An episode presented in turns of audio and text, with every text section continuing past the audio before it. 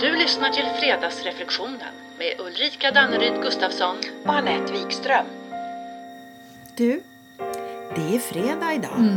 Så jag säger bara Wake up, grow up, clean up and show up. Bästa sättet att börja fredagen på. Åh, ja, ja, ja. Ja, och så lite repose. Ja, eller hur? På det. Ja. Och, och då vill jag bara berätta att jag bestämde mig för att verkligen ge repose en chans i Ja, veckan här. Ah, ja, härligt. Och då ska man ju som sagt var ligga med armar och ben så här rakt ut i sju minuter. Mm. Och så bara släppa och vänta in inspirationen. Ja. Ja, och alltså, ja, faktiskt. Jag vill nog säga att inspirationen har kickat in fler gånger än vanligt. Ja, ja. Kanske inte nödvändigtvis under själva reposandet för alltså, det är ju väldigt lätt att somna. Ja, det är klart. Men den kunde komma när som helst efter det och, och det gjorde den. Ah, nice! Ja, Och jag gissar att den kan komma smygande. lite puttrande Ja, sådär. eller så helt plötsligt så står den där alldeles klar i farstun. i farstun. Ja, eller hur? Ja, men lite som vår inspiration att utforska rädsla. ja, men faktiskt. Mm. Och då menar vi rädslan och oron som inte har någonting med det som faktiskt är just nu att göra. Nej. Utan den som triggas av våra minnen eller våra fantasier om framtiden och som begränsar kvaliteten på vårt mående, varande och görande just nu. Exakt, som triggas av rädslor från förr eller fantasier om framtiden och som vi mentalt placerar i vårt nu men som inte har här att göra. Nej, inte alls. Men likväl kan den dämpa eller till och med släcka ner både inspiration och en massa annat för den delen tror jag.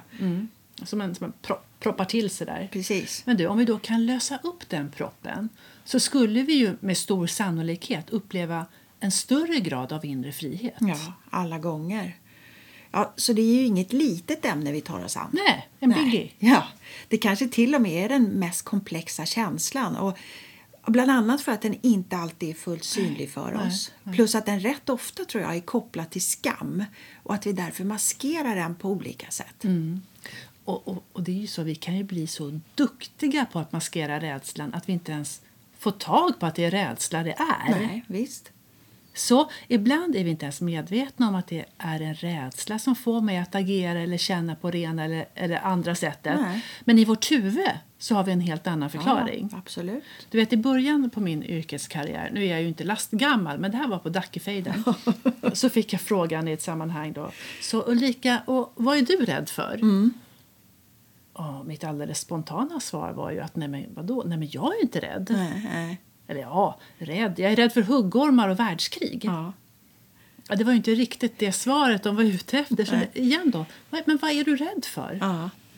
Och då kunde jag ju känna att det fanns ett svar någonstans långt där inne i mig men som inte var gripbart alls Mm. Nej. där och då. Nej. Och, eh, och frågan hängde liksom kvar men under dagarna som följde Mm. så fick jag glimtar av vad den här rädslan handlade om och till slut så hittade jag kärnan Mm. och det var rädsla för att inte upplevas som tillräckligt kompetent. Alltså Mm. rädsla av att bli avslöjad ungefär och hur den faktiskt styrde mig.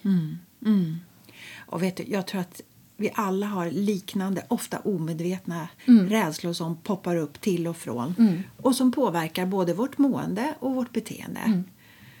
Och Det är bland annat därför som jag tror att det finns så mycket läkande och befriande med att på riktigt börja titta på våra rädslor och öka kontakten och medvetenheten om hur de liksom påverkar oss och var de kommer ifrån och vilka som här och just nu är reella och relevanta egentligen. Är Verkligen. du med? Liksom avväpna rädslan för rädslan. Bli lite kompis. Ja, ja, ja.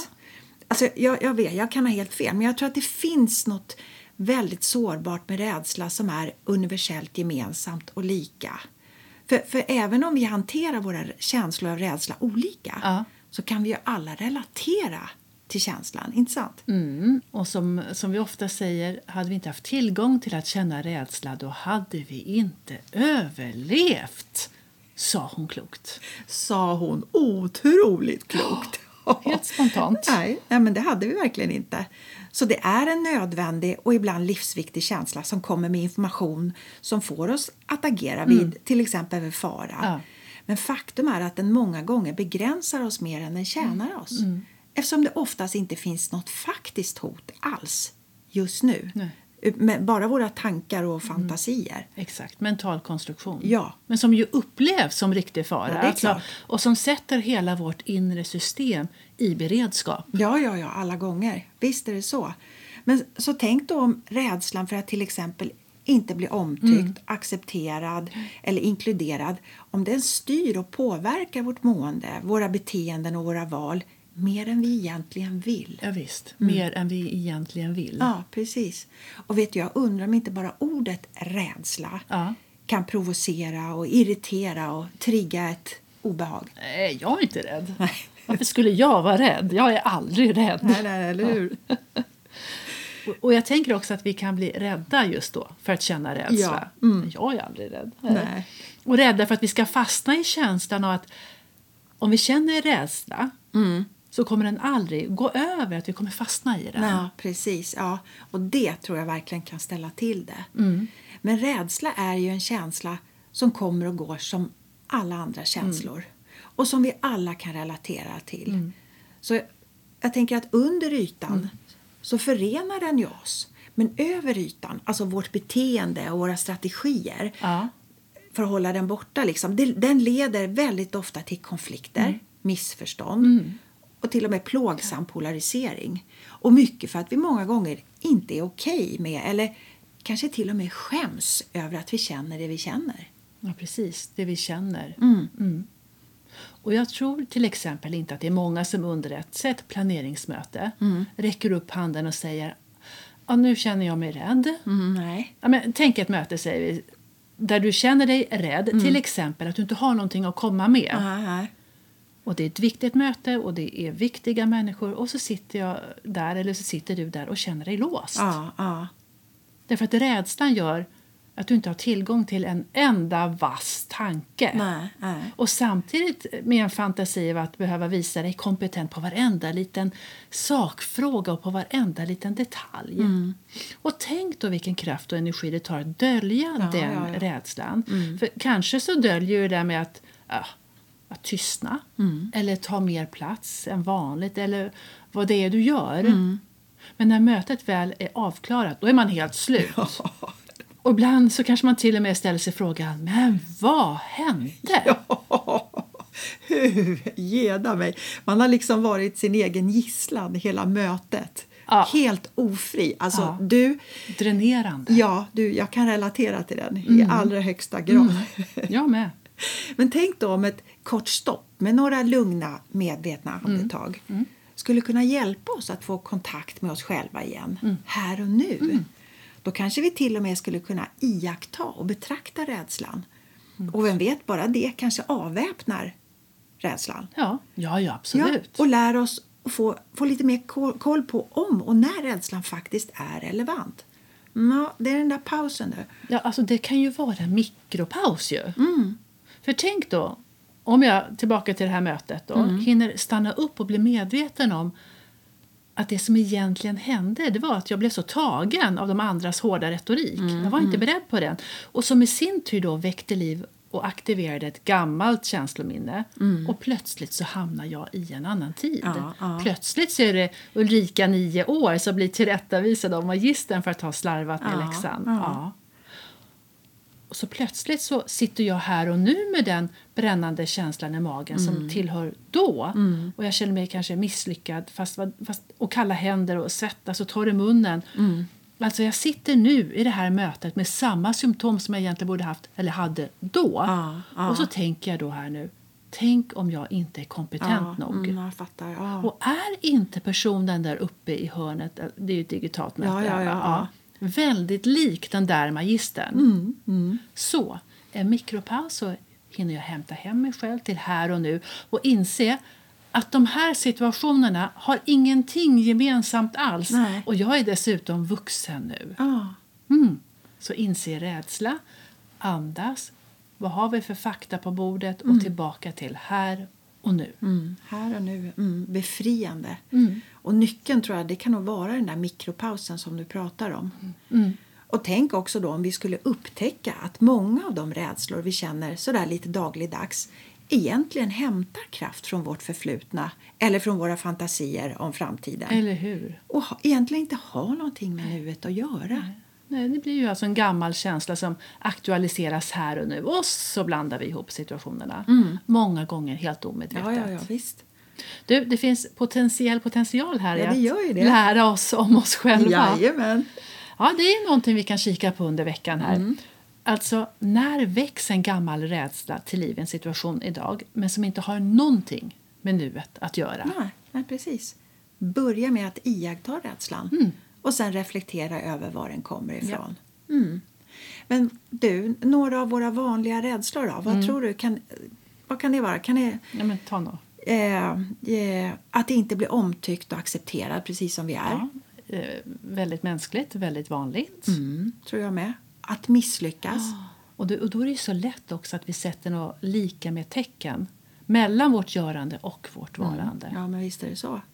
Eller att lyckas. Kan vi vara rädda för att lyckas? Den, den tycker jag är intressant. Den är viktig, för den är ofta dold. I allra högsta grad dold. För, för vad kommer eventuellt då förväntas av mig om jag lyckas? Är jag beredd på det? Vågar jag det?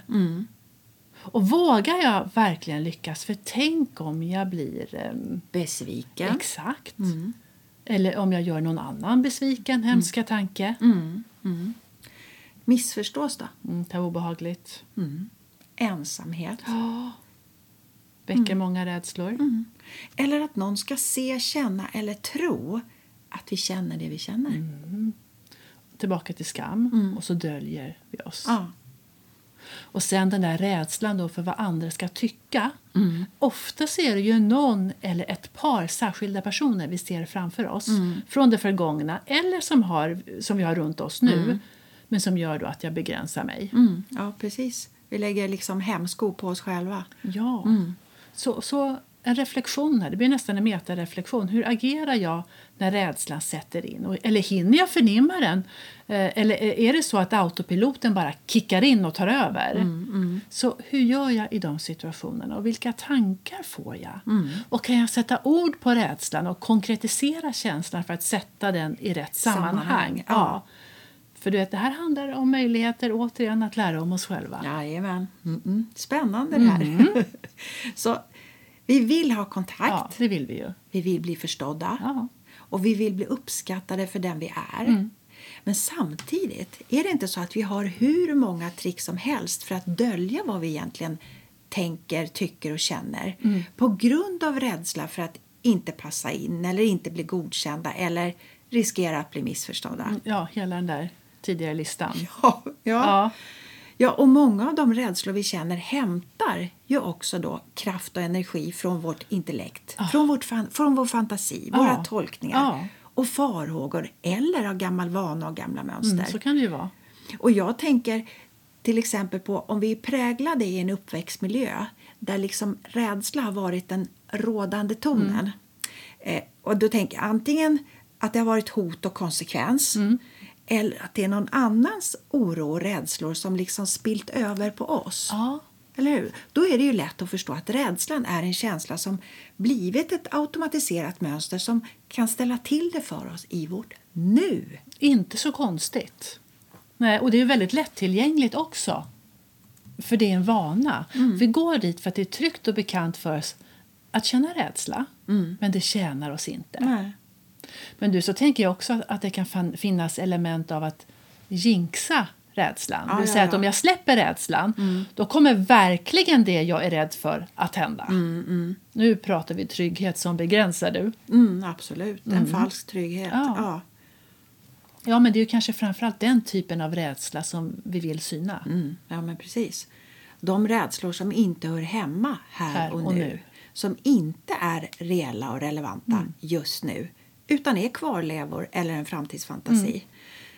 Sen känner vi naturligtvis rädsla som är högst relevant och som får oss att agera, ta tag i och göra det vi behöver för att få klarhet, trygghet och ja, känna oss lugna. Mm, och då fungerar det ju som en drivkraft. Så att vi ska ju inte förringa rädslan. Nej, nej, nej, verkligen inte.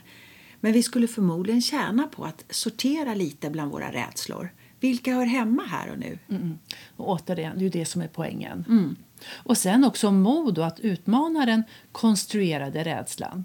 Om jag får kalla det för det. Och våga göra det. Ja, ja, eller hur? Även om vi kanske tror att vi ska dö på kuppen Ja. för vi har sånt rackars påslag. ja. Men sen finns det också andra gånger då vi maskerar vår rädsla med ett eller annat beteende. Ja. Mhm. Mm. Vi kanske tystnar, undviker nya saker och drar oss undan. Eller så maskerar vi med jargong och raljans. Ja. Eller med kraft, kanske ilska och ett offensivt, till och med aggressivt beteende. Anfall bästa försvar. Mm. Ja, men det är ju också ett sätt att hålla det rädda under ytan. Under ytan, ja. Mm. Kanske till och med omedvetet, kanske medvetet. Ja, Men jag kan ju bara säga till mig själv att jag kan ju bli arg på barnen, jag är ju ungdomar idag, men om de har gjort något galet eller oförsiktigt. Mm. Och så reagerar jag då instinktivt med ilska. När jag egentligen blev rädd för att de skulle göra sig illa. Visst. Och tänk då vilka möjligheter det finns här om jag hinner alltså, hämta hem mig själv och no- notera och fånga upp den primära känslan som för mig i det här fallet då var rädsla och inte ilska och så kan vi mötas i det som på något sätt ändå var, var sant. Du förstår vilken dialog. Jo, absolut. Vilken skillnad. Mm. Så om vi, om vi leker med tanken att vi skulle bestämma oss för att inventera och börja iaktta och undersöka de tankar som aktiverar våra rädslor och så reflektera lite kring var de kommer ifrån och hur de påverkar kvaliteten i vårt nu. Vad skulle hända då? Ja, jag tror vi skulle uppleva en större grad av inre frihet. Mm, vilka fina möjligheter, eller hur? Övning är träning. Det gör ju det. ja, ja, Ulrika. Eh, och med de orden rundar vi av dagens avsnitt. Yes. Och, och vilka reflektioner skickar vi med idag? Jo, så dagens fredagsreflektion är Vad gör rädsla med dig? Och när och hur maskerar du din rädsla? Och när och hur begränsar den dig? Och frågorna lägger vi som vanligt ut på Instagram. Tillsammans med annat gott och blandat. Jajamän. Ja, så då säger vi tack för idag och Ja, trevlig helg! Hej! Hej!